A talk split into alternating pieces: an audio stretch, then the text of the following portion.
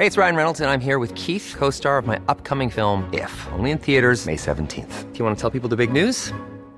All right, I'll do it. Sign up now and you'll get unlimited for $15 a month in six months of Paramount Plus Essential Plan on us. Mintmobile.com slash switch.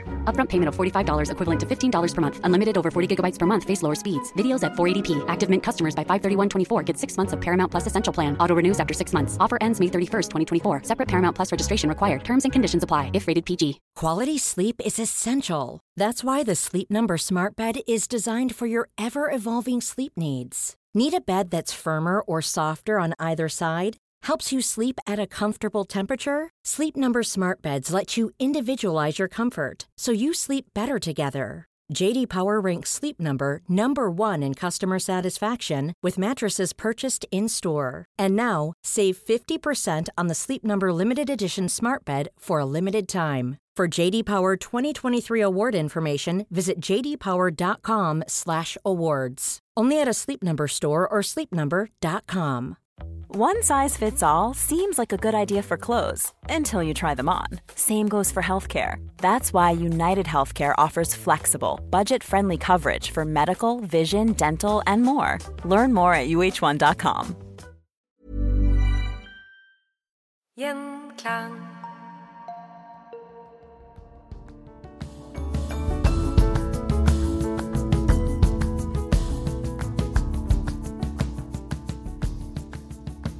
Velkommen til Historier som endret Norge. I dag har jeg fått besøk av Marianne Moe, som til daglig jobber med kriminalkrøniken Gjenklangs True Crime Podcast.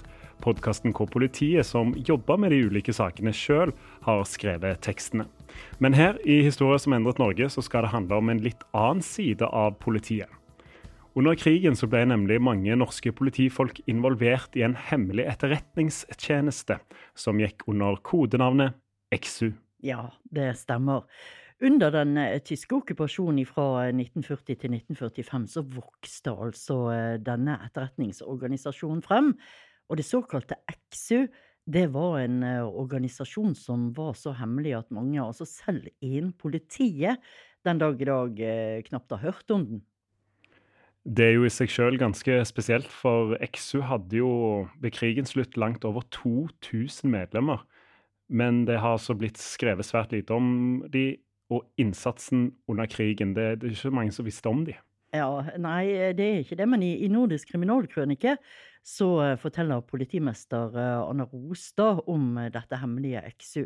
Og jeg kan love deg altså at her snakker vi jo om en både fascinerende, spennende og ganske lærerik historie. Ja, Dette må du fortelle mer om. Hvorfor forble XU så hemmelig òg etter krigen? Altså, det var jo rett og slett fordi eh, medlemmene hadde gitt et taushetsløfte. Og eh, ved krigens slutt så ble de enige om at det skulle ikke røpes noe om det arbeidet som de hadde gjort.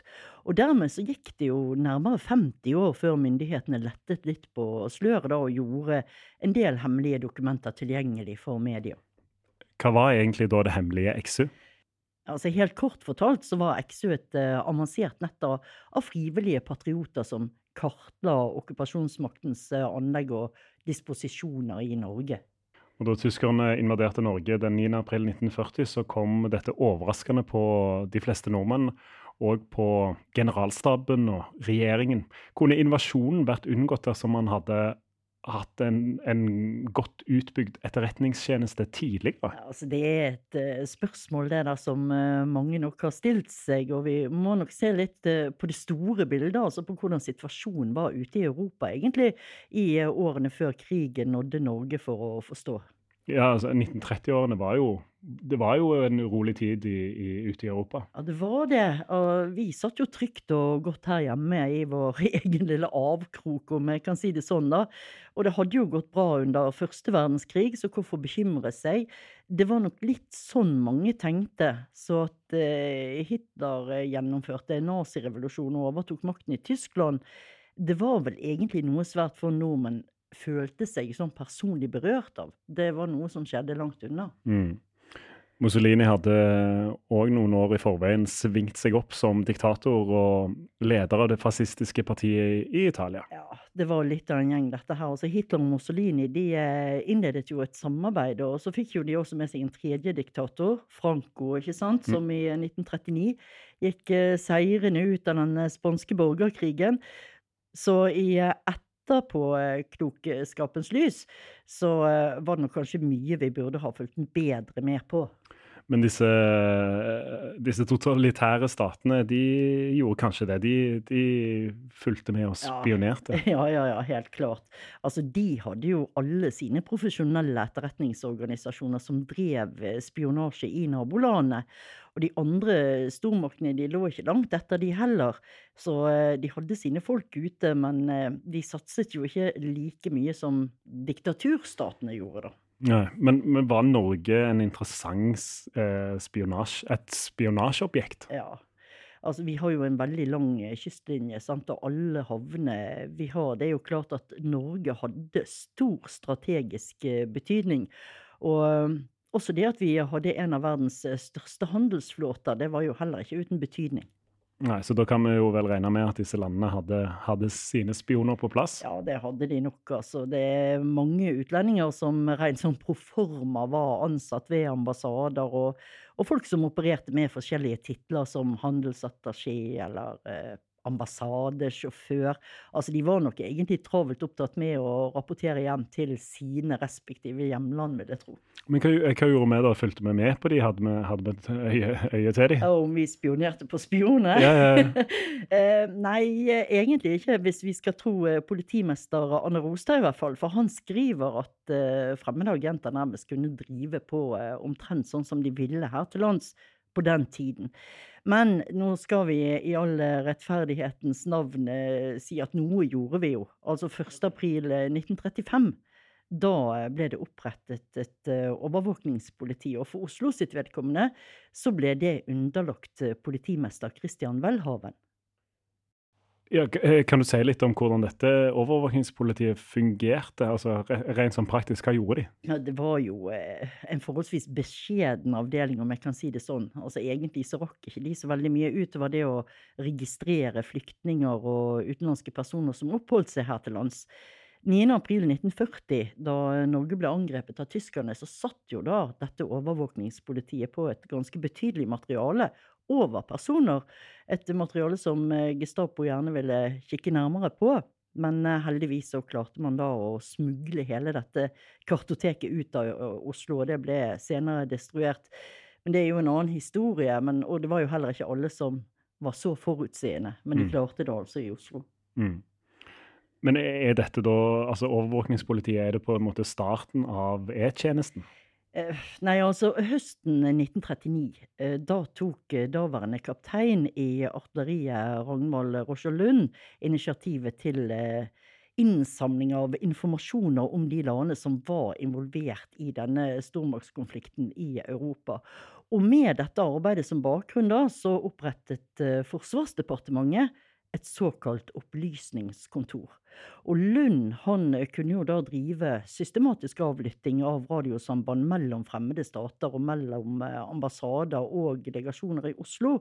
Så det han gjorde, det var altså å samle en stab av profesjonelle medarbeidere, og disse fikk da i oppdrag å avsløre fiendens planer ved å avlytte radiosendingene deres, og løse de kodene som eh, ble sendt der, rett og slett. Og det var vel dette dette som egentlig var begynnelsen til eh, den norske E-tjenesten, eller Etterretningstjenesten, da, om du vil. Ja, denne E-tjenesten da ble kanskje ekstra viktig når, når konge og regjering satt i London? Ja, når eh, kongen og regjeringen i begynnelsen av juni 1940 flyktet over til England, så var jo det for å kunne kjempe videre mot Nazi-Tyskland derfra. Men hvis de skulle klare å frigjøre Norge, så var jo de helt avhengig av å få opplysninger om eh, okkupasjonsmaktens styrkeforhold og disposisjoner. Og disse opplysningene de måtte jo de få ifra folk som eh, fremdeles oppholdt seg i Norge. Så dette initiativet til den hemmelige etterretningsorganisasjonen kom altså egentlig fra, fra to kanter.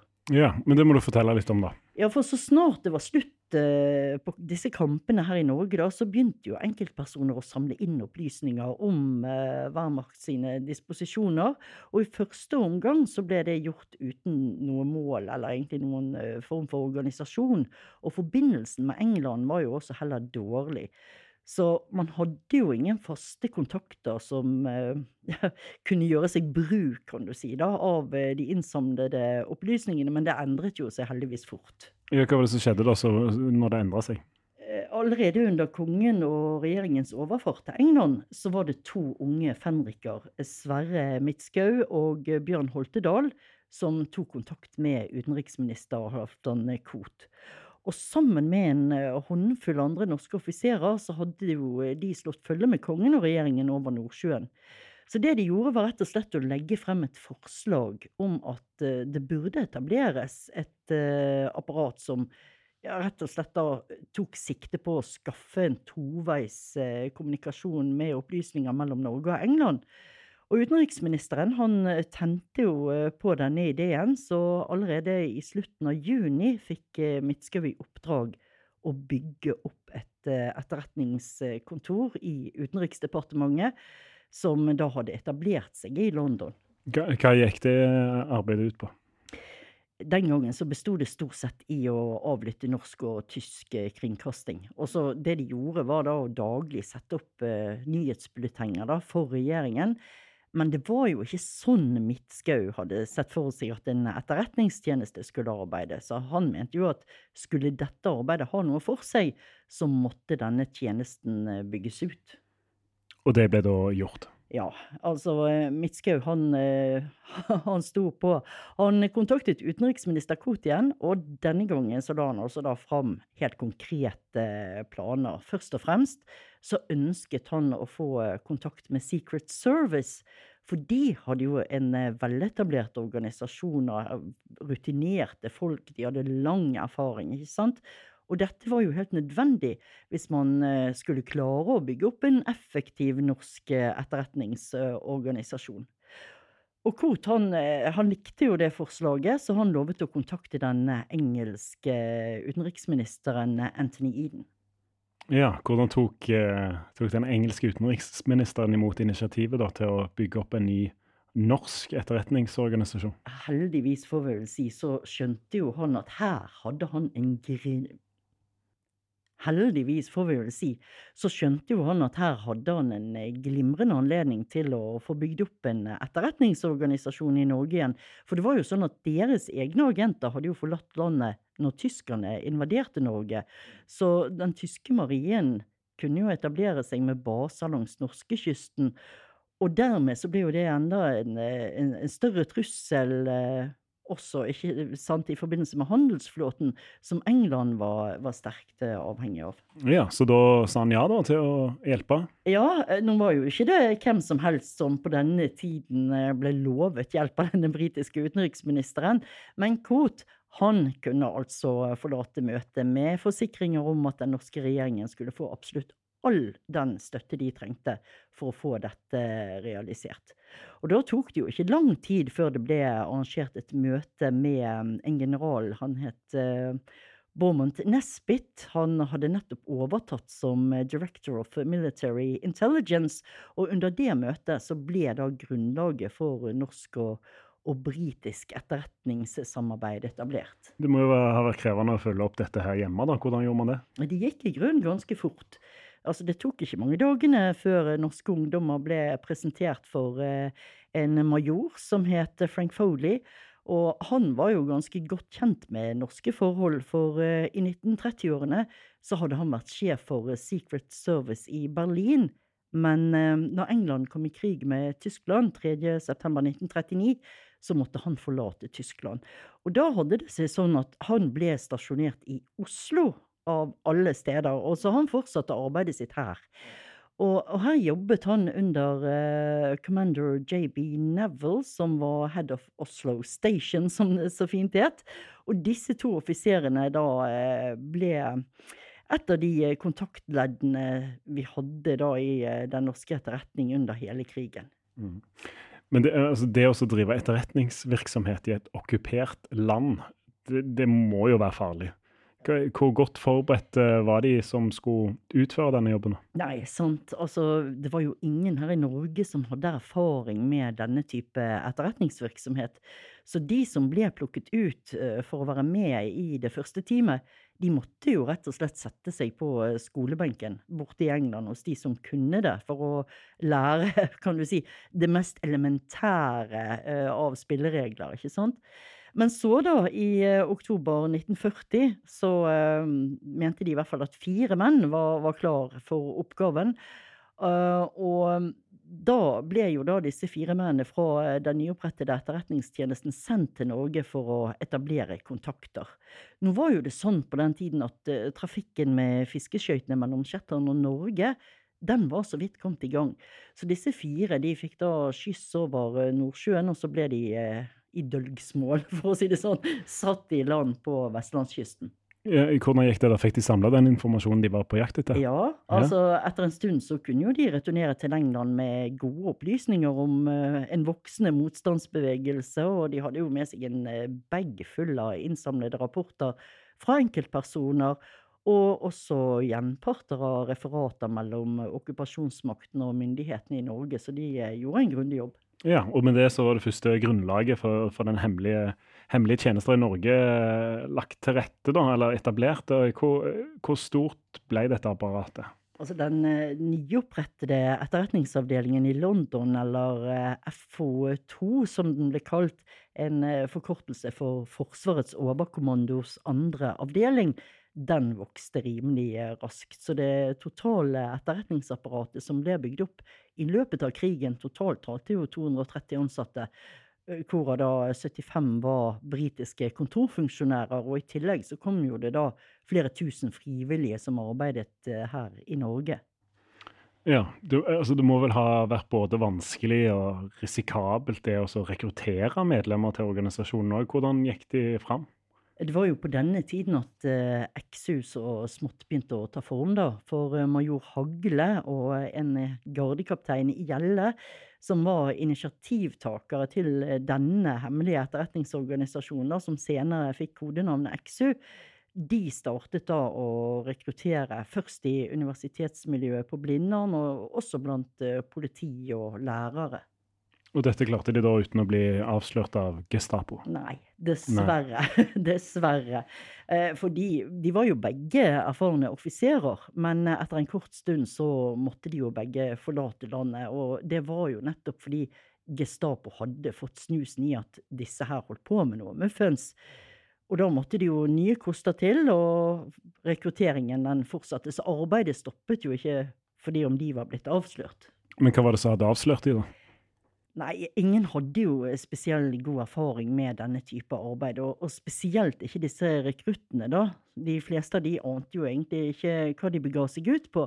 Så den eh, lærdommen de fikk eh, etter hvert, den ble jo for mange kostbar. Eh, Så David Petrie, eh, som var mangeårig leder for eh, Security Service, kjent som eh, MI5, han innprentet jo eh, gjerne sine rekrutter med å si at jo mer anonym en etterretningsoffiser er, jo bedre arbeid gjør han. Men sant, i gleden og den iveren eh, man opplevde da over endelig å få være med og gjøre en innsats for eh, fedrelandet, så var jo det ord som fort ble glemt, da. Så mange av disse nyervervede ekstrarekruttene, de var rett og slett ikke forsiktige nok. De glemte det at taushet er gull. Mm. Og Gestapo da på motsatt banehalvdel, for å si det sånn, og de hadde vel på sin side lang erfaring med å avsløre sånn virksomhet òg. Ja, altså Gestapo sine agenter de var både rutinerte, men de var også slue, og ikke minst så var jo de hensynsløse. Så de hadde jo også tidlig sikret seg norske hjelpere. Eh, dermed så i etableringsfasen av XU så ble jo det et ganske stort eh, mannefall, om jeg kan si det sånn. Men det gikk jo heldigvis bedre etter hvert, altså man fikk litt erfaring og, og ja, fikk brukt, kan du si, eh, erfaringen sin i praksis.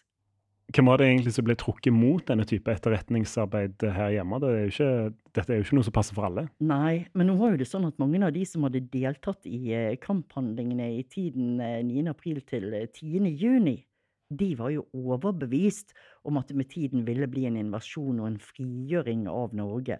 Så det var jo eh, veldig mange, spesielt blant offiserene, som kom inn i ledelsen av de første motstandsgruppene som ble dannet. Og i eh, etableringsfasen så ble også XU drevet i, i samarbeid med Milorg, eksempel. Men eh, ledelsen der innså jo raskt at organisasjonen ble rett og slett for omfattende. Den ble for stor. Det var for mange som visste for mye om andre. Så av sikkerhetsmessige grunner så ble XU i 1941 utskilt som en egen organisasjon som da opererte i samråd med delegasjoner i Stockholm og regjeringen i London. Men, men hvordan fungerte XU da som en egen organisasjon? Altså, de fant jo eh, fort ut at uh, de kunne ikke bare drive separat i Oslo-området. De måtte få en organisasjon med forgreninger rundt omkring i landet, og Bergen og Vestlandet ble jo da spesielt viktig i den eh, etableringsfasen. Og det var jo da selvfølgelig fordi at her så hadde en jo best kontakt med regjeringen og de norske styrkene som etter hvert hadde begynt å etablere seg i England. Og mot slutten av 1940 eh, så var også båttrafikken mellom Norge og Shetland godt etablert. Så de første illegale radiostasjonene de var også på plass i eh, Vestlandsfjellet. Det ble et naturlig valg, for å si det sånn. Mm. Eh, hvem jobber for XU da på, på, Vestlandet? Det var veldig mye politimenn som ble rekruttert uh, i XU som uh, organisatorer, som ledere. De fleste var offiserer, og de hadde i tillegg politiskole, og de hadde en bred erfaring fra politiarbeidet. Så selv om de manglet erfaring fra selve kan du si, etterretningsvirksomheten, Eh, så var jo det en av de yrkesgruppene som hadde best forutsetninger for å kunne drive med dette arbeidet, og ikke minst da de beste forutsetningene for å kunne klare å holde operasjonene og organisasjonen skjult og hemmelig. Mm. Kan du fortelle litt om dette arbeidet på Vestlandet, og kanskje i Bergen da spesielt, som du trakk fram? Eh, hvordan rekrutterte de her? Det gikk eh, veldig mye gjennom venner og kjente. Og dersom det ikke lot seg gjøre, så sørget de i hvert fall for at de eh, aktuelle kandidatene ble nøye sjekket opp eh, på forhånd. For altså, du må jo tenke på det, det var jo bare én provokatør som skulle til for å ødelegge hele organisasjonen, ikke sant? Og det var jo også sånn at de fleste var jo villige til å gjøre en innsats. Så egentlig var jo hovedoppgaven å finne de folkene som egnet seg best for nettopp det. Ja, hvordan, hvordan, kommuniserte du da med de andre avdelingene, og ja, kanskje London da spesielt? Eh, hvordan fikk de informasjonen videre til rett mottaker, for å si det sånn, da? altså, XU distrikt 3 Vestlandet hadde hovedkvarteret sitt i Bergen og Sogn og Fjordane. Og det fungerte jo sånn at så snart disse agentene var på plass på strategiske steder, så måtte forbindelseslinjene opprettes. Og det å sende meldinger som vanlig brevpost, var ganske risikabelt. Det var jo opprettet massevis av kontor som drev med sensurering av post, og det ble jo gjennomgått. Så man måtte jo rett og slett eh, basere seg på kurertjeneste. Men det var jo ikke bare bare det heller. For eh, mange av eh, observasjonsobjektene de lå jo i områder der man måtte være utstyrt med ekstra pass den gangen da for å komme innenfor området, så det var ikke bare lett. Men Bergen og Sogn og Fjordane hadde vel et godt utbygd rutenett med båter og, og, og biler òg? Ja, ikke sant. Og det var jo nettopp det nettet der av lokalkjente folk som måtte da steppe inn som hjelpere. Så, så det man gjorde, det var at man håndplukket styrmenn og sjåfører og konduktører. De ble da vervet som kurerer for XU, og disse sørget da for å få meldingene trygt frem til det som ble kalt postkassene i Bergen. Altså en postkasse, det var eh, det navnet de ga eh, de som møtte kurerene for å bringe da posten videre til hovedkvarteret, og så ble da materialet bearbeidet og sendt videre til London. Ok, men det, men det høres jo tungvint ut, men det var, vel, det var vel dette som måtte til? Ja, det var det. altså. Denne ordningen her, den fungerte, den fungerte faktisk utrolig godt under hele krigen. Det var ingen som ble tatt. Men eh, de hadde jo sine sikkerhetsregler også, da, sånn at eh, de på en rask måte, hvis det skulle skje noen ting, kunne makulere posten ved problemer, da, for å si det sånn. Ja, Men var det bare brev som ble frakta, eller? Nei, absolutt ikke. Altså, ofte så måtte jo de eh, frakte materiell. Radioer, film, fotoapparater. Alt dette her som skulle ut til agentene. Og farligere ting. Altså, de fraktet eh, håndvåpen, ammunisjon, sprengstoff, eh, i det hele tatt mye. Men etter hvert som tiden gikk, så ble jo XU stadig bedre utbygd. Og når det kom flere agenter og mer post til, så ble jo det så mye at mot slutten av krigen ble den jobben som postkasse i Bergen faktisk en heltidsjobb. Ja, var jo sikkert en heltidsjobb å lede dette. Hvem var det som ledet det? Det var en mann som het eh, Gunnar Førsund. Han var distriktssjef for Exu XU distrikt 3 Vestlandet. Han fikk i oppgave å gjennombygge XU etter denne sprekken på nyåret i 1942. Og det var mange politimenn som i det hele tatt var med i Exu XU fra starten, og det var jo også han, da. Men hva var det som skjedde da på, på nyåret i 1942? Uh, da kom det tips om at motstandsfolk var i fare. Det var flere som gikk i dekning, men eh, mange kom seg jo også seinere til Sverige. Men så var det en kar da som het eh, Paul Karlsen, eh, og som også var blant de navngitte. Han Hva skal vi si? Han var litt overmodig. Han hørte ikke på advarselet. Han følte seg trygg. Han mente at han hadde tatt alle forsiktighetsregler. Alt var fullt. Men dessverre så var jo det en feilvurdering av hele situasjonen, for han endte opp med å bli arrestert. Og han ble senere deportert til Tyskland, og han kom aldri tilbake.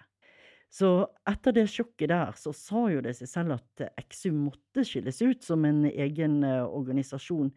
Den måtte organiseres på en mer eh, profesjonell måte, med defensiv tjeneste, i motsetning til Milorg, da, som de hadde jobbet tett med før.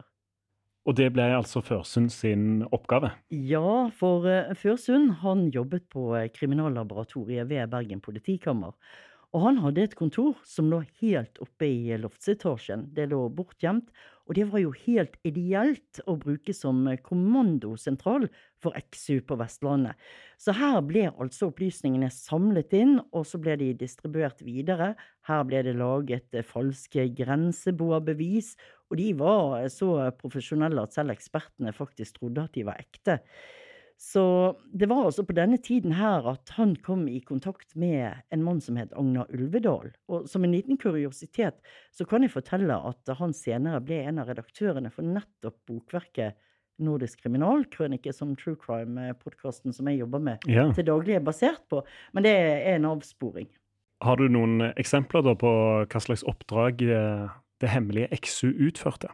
Ja, altså tyskerne de hadde jo eksempel tidlig i okkupasjonen bygd et batteri på Rutledal som ligger ytterst i Sognefjorden. Mm. Og, og ved sjøkanten der like ved batteriet så var det også et torpedobatteri. Et uh, anlegg som dekket da innløpet til denne 20 mil lange Sognefjorden. Så en av de første oppdragene som eh, denne nye distriktssjefen Ulvedal da fikk, det var jo å, å skaffe alle dataene om dette anlegget på eh, Rutledal. Det var en eh, ingeniør, Skiflo, som jobbet i Statens vegvesen Sogn og Fjordane der, og, og, han ble jo da en av de første som ble engasjert av XU. For som en del av jobben så kunne han dra på inspeksjon overalt eh, hvor det fantes en veistump. Så han kunne også planlegge å stikke nye veier hvis det måtte passe seg sånn eh, der XU ønsket det, ikke sant? Og så hadde vi en fordel med han fordi at han var en mann av få ord. Eh, så når han f.eks. fikk vite hva dette oppdraget gikk ut på, så sa jo han bare ja, ja, det skal nok eh, la seg gjøre. sånn, Altså, det, det, er sant, du ser han liksom for deg. Men så, så da, dro han, da dro han ut på inspeksjon, da? Ja, eh, for det hadde jo vært en del eh, veibygging under anleggsarbeidene for batteriene på Rutledal. Og nå var jo det sånn at tyskerne hadde jo stort sett ordnet alt det selv, men de brukte norske anleggsarbeidere.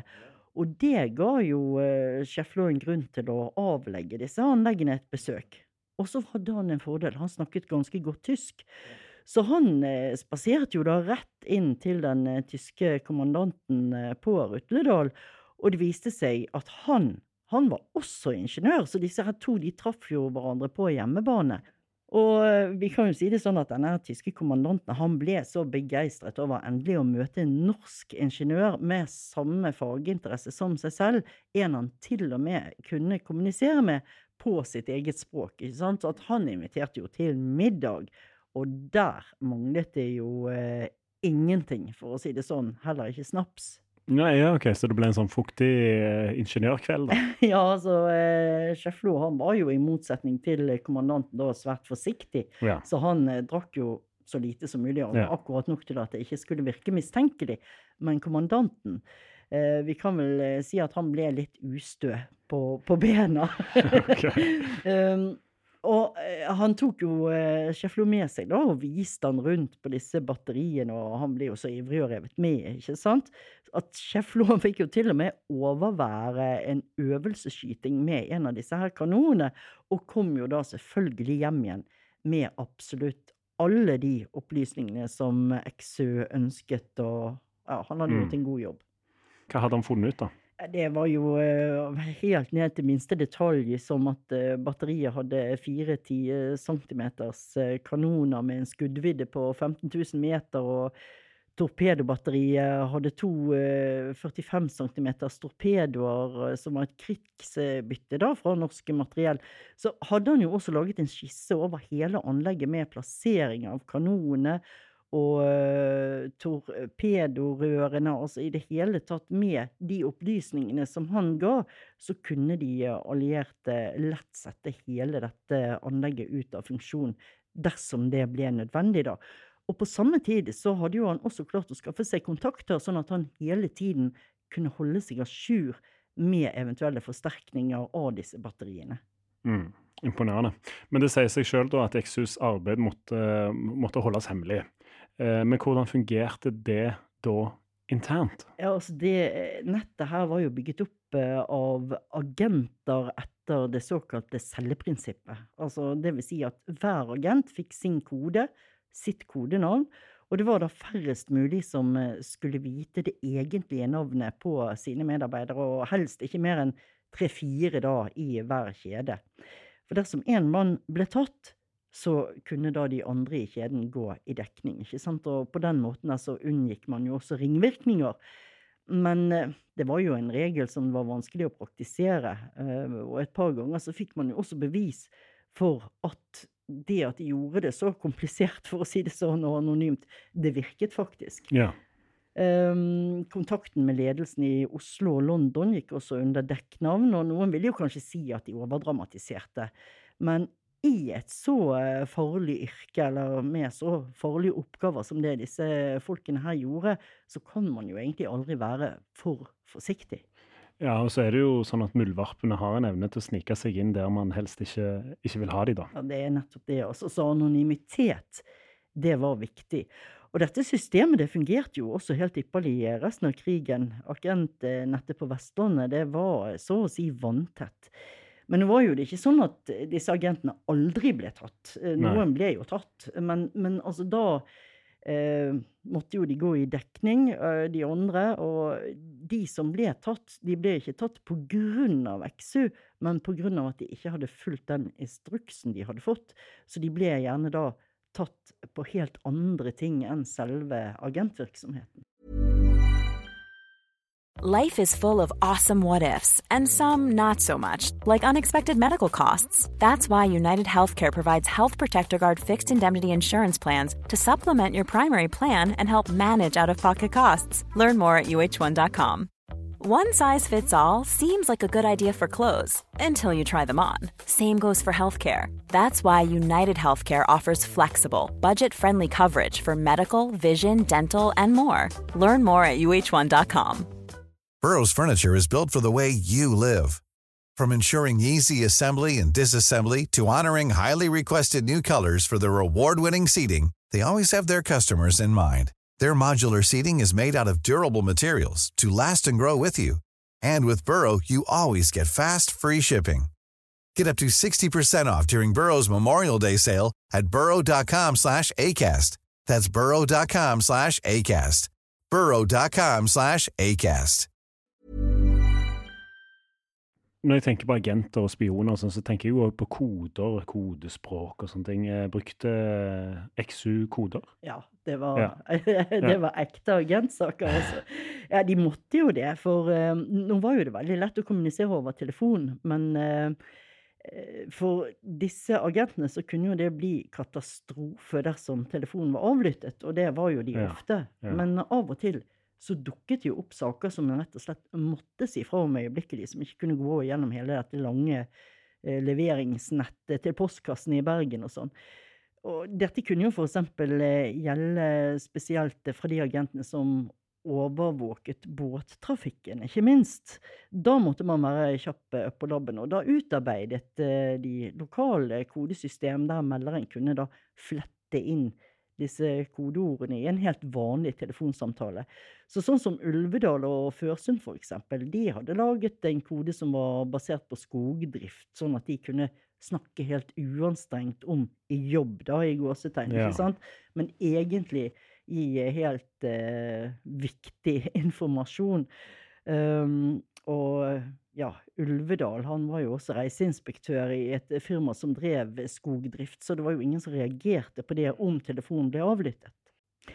Og Ulvedal eh, var jo også en av de som hadde tidligere erfaring fra eh, politiet, men eh, han hadde jo da blitt avsatt av tyskerne før han endte på Vestlandet. Ja, ja, ja. Og da, og da, men da har han jo òg kanskje hatt muligheten da, til å opprette noen kontakter da, innen, innen politiet. Ja, som man kunne bruke i XU, tenker du på? Ja, ja. Altså, ja, nå vet ikke jeg hvor godt eh, de eh, kjente til hverandre fra før, men eh, en av Ulvedals første kontaktmenn under oppbyggingsfasen av XU i Sogn, det var eh, Joma Li, som var ansatt ved Sogn politidistrikt.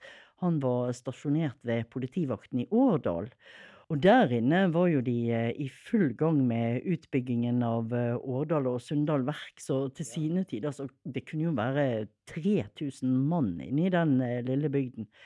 Jomali han hadde altså en ganske stor kontaktflate, og det var noe som ble på å si, utnyttet til det maksimale når de satte seg ned for å plotte ut arbeidsområder for XU-agentene. Men I jobben som politimann så kunne han vel reise rundt i distriktet og på legalt vis og kontakte folk som egnet seg for agentvirksomhet, uten at dette vakte noe oppmerksomhet fra, fra feil folk. Ja, ikke sant? Og det var jo eh, noe av det geniale med å bruke politifolk i XU. Og det samme kunne jo ingeniørene, og? Og øh, ved veikontorene, og, og de kunne også besøke hvilken som helst bygd under påskudd av at de var på en inspeksjon, ikke sant? Av gamle eller nye veianlegg. Og Ulvedal som han drev jo øh, med oppkjøp av skog, så han la jo rutene sine der XU ønsket å plassere sine agenter. Så de fant altså folk som med letthet å kunne bevege seg i området, og som på en måte hadde en grunn til å gjøre det. Mm. Hvilke motorer brukte de egentlig? Det var disse klassiske spionløsningene. altså Noen brukte håndskrevne brev med usynlig blekk, holdt jeg på å si, altså usynlig skrift ja, ja. mellom linjene. Andre kunne sende maskinskrevne brev, men eh, de aller mest avanserte de tok bilder av brevene, og så sendte de en ufremkalt film av gårde. Det Ja, var det pleide å funke godt. ja, ja. ja. Har, har du noen historier om noen av disse agentene? Ja, gjett om. Ja, altså, jeg kan fortelle om eh, Gustav Lie, for eksempel. Der Ja. Han var hotellvert på Leikanger Fjordhotell. Og han ble en eh, fast kontaktmann for XU. Og det var jo fordi dette hotellet det lå veldig sentralt til med fylkesadministrasjonen og en rekke kontorer like ved, ikke sant? XU de eh, etablerte seg faktisk til og med på hotellet selv, da, på loftet til Gustav. Og han ble den perfekte etterretningsagent. Ja, og da, da tipper jeg han holdt seg anonym. Ja, altså bygdene på Vestlandet de lå jo spredt, og forholdet var ganske så gjennomsiktige, så vervingen av XU-medarbeidere var vanskelig. Det måtte legges opp etter eh, varierte og utspekulerte metoder, om jeg kan si det sånn. Massemediene var kneblet, og radioapparatene var beslaglagt, og det skjerpet jo folks nysgjerrighet. Så jungeltelegrafen, den hadde definitivt sin blomstringstid her. Og dermed kom det et menneske inn til disse bygdene, så visste jo snart hele bygden hvilket ærend vedkommende hadde kommet i, ikke sant? Så en XØ-agent måtte derfor være helt anonym. Hvis ikke så kunne jo denne illegale virksomheten fort komme uvedkommende for øre, noe som igjen kunne bli ensbetydende med arrestasjon, arrestasjon med tortur og i verste fall konsentrasjonsleir. Men Gustav, han var, han var både stillfaren, han var beskjeden, ikke sant. Han skjøttet jobben sin som hotellvert på en helt fremragende måte. Og tilsynelatende så var han også helt uinteressert i eh, politikk og den situasjonen som landet i det hele tatt var i. Men virkeligheten, den var jo selvfølgelig en helt annen. Mm. Som det ofte er med spioner, og gode spioner. Ja, det kan du si. Gustav eh, han eh, fulgte i hvert fall veldig godt med i alt som rørte seg i samfunnet. Og med han hadde en illegal radio, så holdt han seg mm. også à jour, da, selvfølgelig med nyhetene fra London. Og som hotellvert så kom han jo naturlig nok i kontakt med mange mennesker, og han snappet da opp mange samtaler som helst ikke skulle komme jøssinger for øre. Jøssinger, hva, hva var det nå igjen? Ja, en jøssing. Altså, I Nasjonal Samling så eh, ble ordet jøssing eh, brukt som en nedsettende betegnelse egentlig på på tyskfiendtlige folk, på ja. kritikere, ikke sant? Og det grep jo da motstandsbevegelsen og det norske folk generelt. Så for motstandsfolk og, og for nordmenn eh, så ble jo jøssing brukt som en hedersbetegnelse. Ja, eh, en betegnelse på en god nordmann. Så, så da var Gustav en god jøssing, da? Ja, det var han. Og så plukket han ikke minst opp da eh, ting som gode nordmenn helst ikke burde vite om, på grunn av den jobben han hadde. Så eh, Gustav han ble Exus vaktbikkje. Han, han eh, varslet eh, straks det var fare på ferde, og det er i grunnen ganske mange, viser jo historien, som kan takke han for at de kom seg unna i tide. Har du noen eksempler på aksjoner som som gikk feil? Ja, altså, Virkeligheten er jo ikke som en spionroman. ikke sant? Og det var nok en del av disse XO-agentene som ble litt skuffet over det, når de skjønte at her måtte de utføre oppdragene sine helt anonymt, og, uten uh, at de fikk noen meldinger tilbake. Uh, de hadde i grunnen i praksis liten kontakt med andre XO-agenter. Og det kunne være utfordrende for en del, sånn som eh, dampskipsekspeditør Olav Riise for eksempel. Han eh, var nok en av de som var litt skuffet over den oppgaven han hadde fått av XU. Hva var historien hans, da? Han ble en såkalt postkasse, altså en oppgave som han egentlig skjøttet på beste måte. Men så var det det, da, at han brant sånn for å få gjøre en innsats for frigjøringen. Så til tross for at oppgaven han hadde fått av XU var både ansvarsfull og ikke minst viktig, så ville jo han svært gjerne gjøre mer for motstandsbevegelsen. Ja, Fikk han mulighet til det, da? Ja, Det var nettopp det han gjorde. For eh, en natt så fikk han besøk av en mann fra hjemmefronten. Han var eh, kommet med et lass skjellsand som eh, han skulle få i land. Og godt gjemt i denne skjellsanden så lå det våpen til hjemmefronten. Dette må jo være midt i blinken da for en uh, mann som ønsker å bidra mer til, til, motstandskampen. Ja, det var akkurat det. da. Altså, Olav han ble jo helt gira, ikke sant? jo, men han ble jo det, for endelig så skulle jo han få sjansen til å være med på noe litt mer håndgripelig. Og i de mørke nattetimene så ble jo eh, skjellsanden losset og våpenet brakt eh, inn i et lagerskur og gjemt. Allerede samme natt så ble en del av våpenet transportert videre med biler, og her var det action, her skjedde det noe, ikke sant? Men et par dager seinere så ble Olav hentet av sikkerhetspolitiet. Ja, da hadde de fått snusen i kassa på vei? Altså Det beklagelige var jo at Olav på forhånd hadde fått tips fra XU om at han var i fare, at de hadde navnet hans på blokken. ikke sant? Så det han skulle gjort, var jo å si nei til denne våpenlasten. Ja. Sånn, han burde ha ligget lavt, men Olav var sta, så han ignorerte jo den advarselen, da. Så ja. det var for mange som visste om denne våpensmuglingen. Det ble snakket om det. Og eh, dette pratet det kom jo da en NS-sympatisør for øre. Og han gikk jo da selvfølgelig rett til sikkerhetspolitiet, ikke sant? Ja, men det er jo en farlig situasjon òg, både for Jomali, Ulvestad og mange mange av de andre i XU òg, da? Ja, det er jo klart. Altså, dette førte jo til at mange ble arrestert. Men eh, angiveren ble jo også avslørt, da, og han måtte jo stå til rette for det, vel å merke etter krigens slutt. Ja, han måtte det, ja. Men hva skjedde da med de andre som ble arrestert etter dette her, da? Ja, altså, De ble jo alle ført til Bergen. De ble innsatt først i det gamle fengselet, og så ble jo de da i tur og orden ikke sant, kjørt opp til Gestapo-huset og tatt inn til avhør der. Så det var, her var det snakk om ren tortur, og det var mange ut av disse gutta her som ble så preget av denne mishandlingen at uh, det fikk følger for dem for resten av livet. Mm.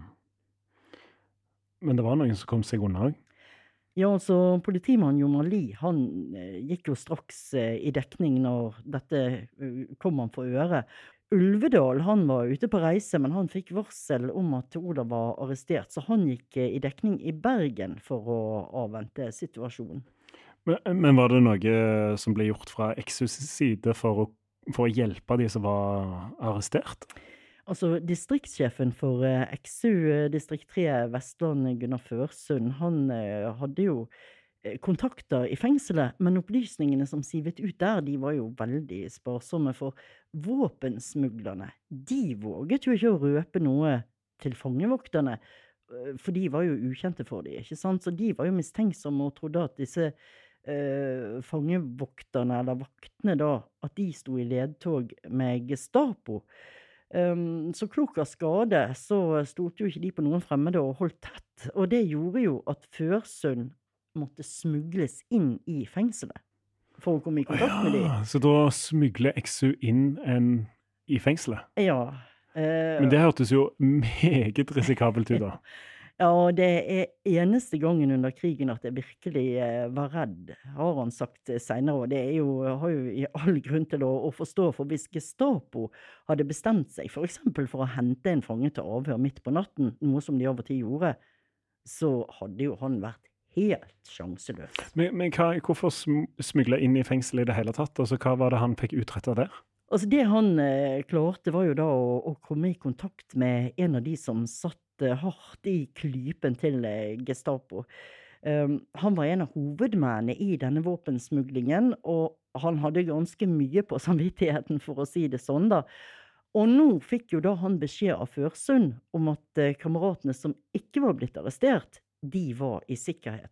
Og dermed så kunne han som var arrestert, skylde på de for å unngå denne grusomme torturen som eh, tyskerne var, var kjent for. Og våpensmugleren han eh, fortalte etter krigen at allerede neste dag så ble jo han avhørt etter de verste metoder. Så han hadde akkurat bestemt seg eh, for at ok, nå må jeg bare følge Førsunds råd. Nå må jeg bare si at det var de, ikke sant? Men så besvimte han. Og han våknet eh, først eh, dagen etter. Eh, da lå han på cellen sin igjen. Ja. Så han, var- han, de slo han helseløs. En ting er å smugle deg inn i et fengsel, men så skal du jo smugle deg ut av et fengsel òg, da. ja, Eh? Hvordan gikk det med Førsund? Nei, altså de eh, klarte å smugle han ut bakveien neste morgen, og heldigvis kan vi si så hadde jo ikke han lange veien tilbake til eh, politihuset, for den lå, det lå altså sånn til at ifra et vindu i politibygningen så, så kunne han faktisk se ned i fengselsgården. Det kan nesten virke litt som at eh, å gå i dekning ble en sånn rutine for de aktive i XU, da. Men litt av jobben var vel kanskje òg å hjelpe andre som trengte å komme seg i, i skjul her da for Gestapo. Ja, altså XU-organisasjonene de hadde jo gode forbindelser. Så de kunne jo derfor diskré og anonymt gi tips til folk som eh, skulle arresteres, og som de hadde da fått, fått nyss om at kom til å bli hanket inn. De aller fleste de eh, tok jo hensyn også til disse advarslene, og var takknemlige for det, selvfølgelig. De, kom seg i sikkerhet. Men så var jo det de som eh, ignorerte disse meldingene, og de ble jo da ofte arrestert. Så ofte måtte EXO også hjelpe folk som hadde gått i dekning og som manglet forbindelser, rett og slett med å komme seg ut av landet. Ja, altså Allerede i 1941 så var det vel vedtatt en lov som satte streng straff for de som forsøkte å ta seg ut av landet uten, uten en tillatelse da fra okkupasjonsmyndighetene. Ja, ikke sant? Eh, Det stemmer jo. Så XU de eh, hadde da fått opprettet flere fluktruter til Sverige, Men eh, de sendte også folk vestover til Shetland med disse nordsjøbåtene der som vi har vært innom tidligere, da. Og disse flyktningene de ble jo da også av XU utstyrt med falske grenseboerbevis, og de ble da loset gjennom de rette kanalene. Mm. Jeg kan nevne en historie fra litt ut på vinteren 1944. For da ble skjemaene for grenseboerbevis rett og slett en mangelvare for XU. For sikkerhetspolitiet de hadde oppdaget eh, falske grenseboerbevis, så oppbevaringsrutinen for de var blitt skikkelig skjerpet. Um, da kom det signaler både fra Oslo og Bergen om at de trengte sånne skjemaer, og Jomali han hadde fått vite at uh, politivakten i Årdal de hadde et ganske bra lager av slike skjemaer til de forskjellige landsdeler, for der var det jo så mange som var innom og jobbet ikke sant, med dette uh, verket. Så de regnet han med da eh, mest sannsynlig ikke kom til å merke noen ting om det forsvant eh, noe fra lageret. Så han tok seg en tur eh, til sin tidligere arbeidsplass, for da med påskudd for å hilse på tidligere kolleger, ikke sant. Mm. Um, og når de hadde snakket en stund, så spurte han om han kunne få kikke litt på en sak som han hadde arbeidet med før han ble arrestert.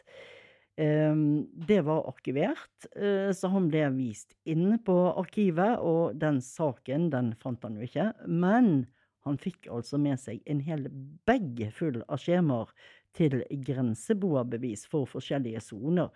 Så han eh, sikret seg det, og stempler og annet utstyr som han måtte ha for å lage falske pass. Og jeg kan love deg altså at eh, det var ting som ble flittig flittig brukt helt frem til krigen var slutt, og som mest sannsynlig reddet veldig mange liv. Mm. Og så kom freden.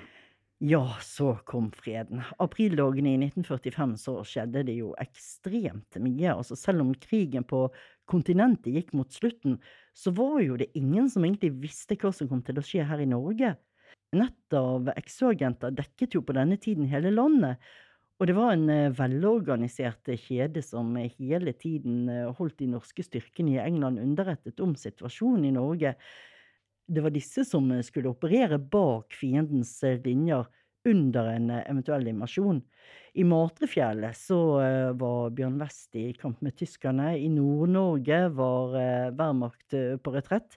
Men de, som vi vet, sprengte jo broer og brente all bebyggelse for og kun etterlate seg ruiner.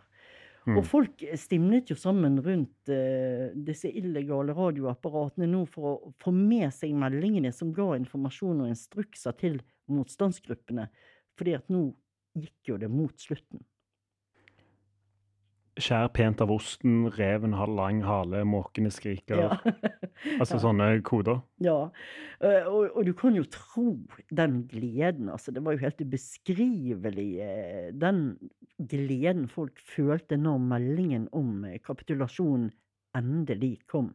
Altså, da strømmet jo de fram ifra hjemmestedene sine. Milorg-gutter, de som hadde rømt til England og Sverige, de kom hjem igjen, ikke sant. Alle ville ta del i fredsfeiringen. Men det var én gruppe eh, som hadde fått ordre om ikke å tre frem i rampelyset, og du kan jo gjette hvem det var. XU-gutta. Det var alle XU-folkene som ble på eh, sine poster. Hvordan tok de det, da? Eh, disse agentene hadde jo frivillig ofra ganske mye for, for denne fre ja, freden. Altså, du kan jo tenke deg det selv. Det, det må jo ha vært eh, en skuffelse, ikke sant? Mange av de hadde satt livet sitt på spill mer enn én gang.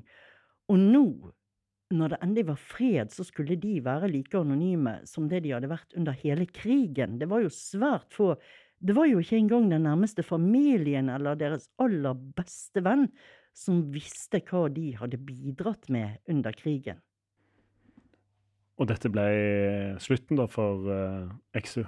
Ja, altså i eh, slutten av mai 1945 så ble det holdt et møte på Universitetet på Blindern i Oslo mellom XU-ledere og representanter for FO2, altså Forsvarets overkommandos andre avdeling.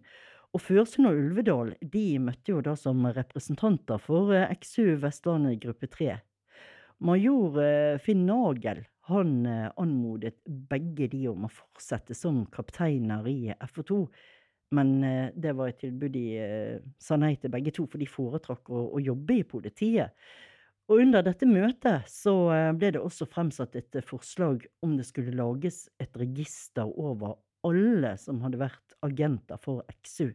Men det ble nedstemt. XU-agentene de skulle altså fortsatt være anonyme, for det var jo ingen som visste hva fremtiden ville bringe.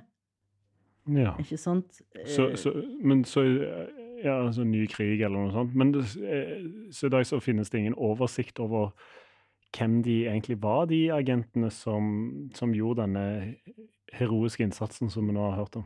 Nei, faktisk ikke. Men hvis du har en liten agentspire i eh, egen mage, så kan jo du eh, snuse litt rundt i bestemor og bestefars saker. For rundt omkring i et par tusen hjem, i hvert fall i Norge, så fins det et sånt lite beskjedent diplom med et lite bevis, kan du si, på at Norge takker den og den. Et familiemedlem, altså.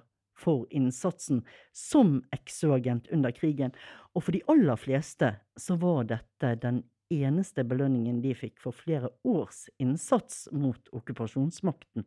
Du får, du får ikke det engang, Marianne Moe, men takk skal du ha for innsatsen i historier som endret Norge i dag, og at du forteller historien om eh, hemmelige XU. Eh, på torsdag så kommer det en ny episode av Historier som endret eh, verden. Kollega Kristian Konglund han er klar med ferske episoder hver torsdag. Eh, ikke glem å følge oss på Instagram. Der heter vi Historier som endret eh, Norge. Vi høres.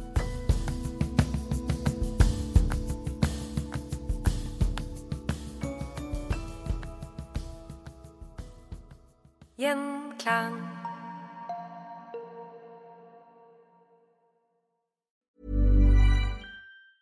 Planning for your next trip? Elevate your travel style with Quince. Quince has all the jet setting essentials you'll want for your next getaway, like European linen, premium luggage options, buttery soft Italian leather bags, and so much more. And is all priced at 50 to 80% less than similar brands. Plus, Quince only works with factories that use safe and ethical manufacturing practices. Pack your bags with high-quality essentials you'll be wearing for vacations to come with Quince. Go to quince.com slash pack for free shipping and 365-day returns. Mom deserves the best, and there's no better place to shop for Mother's Day than Whole Foods Market. They're your destination for unbeatable savings, from premium gifts to show-stopping flowers and irresistible desserts. Start by saving 33% with Prime on all body care and candles. Then get a 15-stem bunch of tulips for just $9.99 each with Prime. Round out Mom's menu with festive rosé, irresistible berry chantilly cake, and more special treats. Come celebrate Mother's Day at Whole Foods Market.